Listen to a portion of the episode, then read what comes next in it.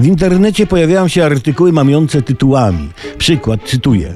Sandacz. Co warto o nim wiedzieć? To jest ciekawy temat, słuchajcie, bardzo ciekawy, bo sandacz nie zawsze był rybą. Na początku miał nóżki, ale źle się chodziło po wodzie. Ale zacznijmy od początku. Jest paleozoik, konkretnie sylur, godzina 7.50 rano. E, prasandacze przygotowują sobie dla całej rodziny sandaczowej e, śniadanie, jajecznicę. Prawda? Na boczku leży pan sandacz. Pada deszcz. Pani sandaczowa mówi do męża, pana sandacza, leje, zrób coś. Ale co? I wtedy pan sandacz wpadł na pomysł, który odbił się na przyszłości, miał niebotyczny wpływ na rozwój sandaczy jako takich. Cała rodzina sandaczy zeszła pod wodę, żeby właśnie pod wodą schronić się przed deszczem, żeby nie zmoknąć.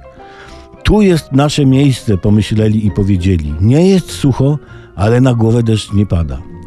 Ale historia nie zapomniała o okresie, tym sylurze, prawda, kiedy to sandacze żyły na lądzie. Od sandaczy wzięła się nazwa nadomek dacza położony nad Sanem, Sandacz, prawda, oraz nazwy kilku miejscowości, choćby San Francisco od Franciszka, który z Nadsanu wyemigrował do Ameryki za chlebem do Sandacza.